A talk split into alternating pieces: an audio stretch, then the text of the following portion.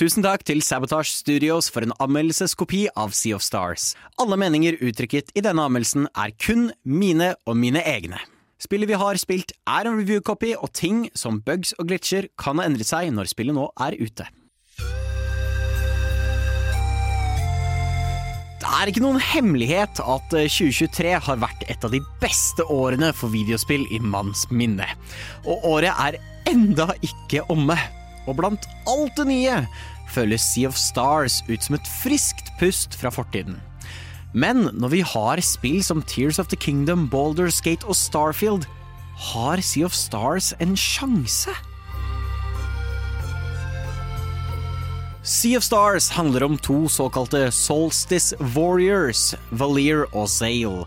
På starten velger du hvem du skal spille som, men det har ikke så mye å si, for de er alltid sammen uansett. Som Solstice Warriors skal de ifølge skjebnen de er født inn i, sette ut på en reise og stanse en ondskap før den manifesterer.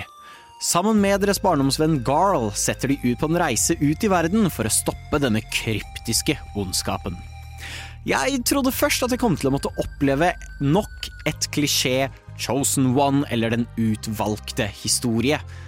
Istedenfor går spillet mer for en litt mer low stakes vibe. Historien har stakes, og jeg bryr meg om karakterene. Men alt er forfriskende lite superseriøst, og det mener jeg på en veldig god måte.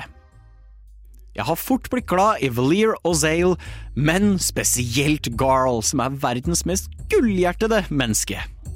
Gjennom reisen blir vi kjent med en haug av artige og fargerike karakterer. Dessverre er det òg i historien hvor kanskje min største klage kommer fram. Det er noen ganger der spillet prøver seg på metahumor, men disse vitsene faller veldig flatt. Som er synd, spesielt når de jobber sterkt på å bygge opp et troverdig univers. Da drar disse vitsene meg rett ut av fantasien. Heldigvis er det sjelden de dukker opp, og det er tonnevis av andre gode vitser i spillet. Det skjer òg at det er noen små skrivefeil her og der, og noen litt rare setninger, men det er noe som lett kan fikses med en oppdatering.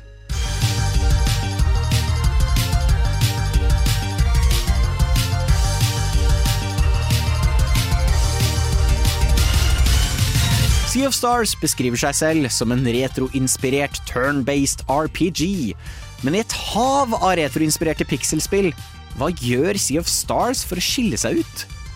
Mitt første møte med det var et screenshot jeg så på Twitter for noen år siden. Jeg var ekstremt imponert over pikselarten, og jeg tenkte at den var altfor avansert til å kunne opprettholde kvaliteten gjennom et helt spill.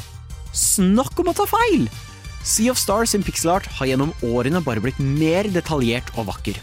Jeg har brukt så mye tid bare på å beundre hvor pent spillet ser ut, og jeg har ingen anelse på hvordan de har klart å animere alt såpass bra. Spillet bruker til og med sin egenlagde lysengine for å kunne belyse hver bidige piksel perfekt. Og det er ganske greit når du innimellom spinner på et hjul som gjør at tiden endrer seg, og hele spillet nailer en timelapse med belysningen sin. Men det er ikke bare utseendet som har noe å si. Gameplay er òg like viktig. Heldigvis skuffer det ikke på denne fronten heller. Gameplay-loopen i Sea of Stars er å utforske spennende steder for å komme seg til neste story-relevante sted.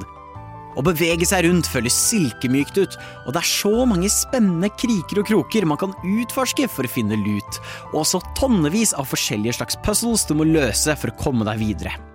Rundt i verden beveger det seg også tonnevis av varierte fiendetyper, og når du er for nærme dem, går man sømløst inn i den turbaserte combaten.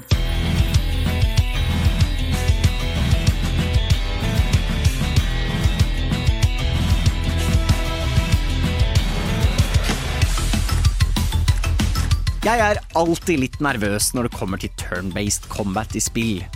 Du og fienden tar hver deres tur for å velge et angrep, du ser på din karakter angripe, så ser du fienden angripe, wash, rinse, repeat.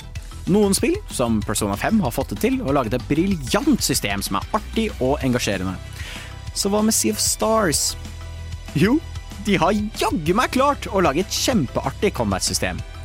Timing is key. Når du angriper, kan du trykke inn knapper for å øke skaden du gjør, eller minske skaden fienden gjør. Jo bedre timingen din er, jo mer effektivt er det. Dette høres kanskje simpelt ut, men det funker til å skape en turn-based combat hvor jeg konstant føler meg engasjert og i kontroll.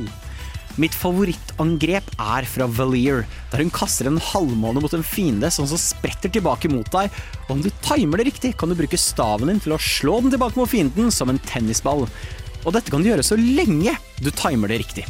Flere ganger har jeg klart å vinne bare på ett angrep fordi jeg har klart å sende den månen tilbake så mange ganger at fienden bare dør. Fiender kan òg bruke magi, men de trenger å lade opp først. Og når de skal til å bruke opp magi, får du opp et lite vindu over fienden med info om hva slags magi eller våpen du må bruke for å bryte konsentrasjonen deres. Alt dette kombinert med et solid equipment-system, flotte animerte pixel sprites og solid kampmusikk skaper et combat-system som jeg absolutt elsker. Så langt har alle kampene vært på en perfekt vanskelighetsgrad. Det er ikke altfor vanskelig, men heller ikke lett. Dette er noe Sea of Stars skryter på seg. Man skal aldri trenge å grinde. Og om det skulle bli for vanskelig, har de noe som heter artifacts, som kan bli skrudd på for å gjøre spillet lettere. Og det er ikke bare kampene som har bra musikk. Resten av spillet har jo et fantastisk soundtrack. Musikken er åpenbart inspirert av SNES-æraen av RPG-spill. Men istedenfor å bare lage noe som høres gammelt ut, så føles dette soundtracket ut som en modernisert take på de gode klassikerne. Eric W. Brown gjør en fantastisk jobb med det musikalske, og noen låter er komponert av RPG-legenden Yatsunori Mitsuda, som har laget musikk for bl.a. Chrono Trigger. Men jeg også gjerne vil kjapt legge til, er det faktum at hvis du er lei av combat og vandrer rundt, så har du også muligheten til å gjøre andre aktiviteter i Sea of Stars. Du kan sette deg ned på en tavern og spille gamblingspillet Wheels. Og ikke bare det, du kan dra til en lokal innsjø, dra fram fiskestanga, sette deg ned og fiske. Alt i alt er Sea of Stars et perfekt eksempel på hvordan man lager et retroinspirert spill. Den tar hva som gjør alle de gamle klassikerne spesielle, og bruker det som en fantastisk grunnmur. På toppen av denne grunnmuren finner vi tonnevis av moderne spillinnovasjoner som skaper en ekstremt både nostalgisk og forfriskende ny spillopplevelse. Med solid musikk, engasjerende combat, fargerike karakterer, en spennende historie og pixel art som får meg til å lure på hvordan det går an. Er dette ett av de 2023-spillene du bare må få med deg?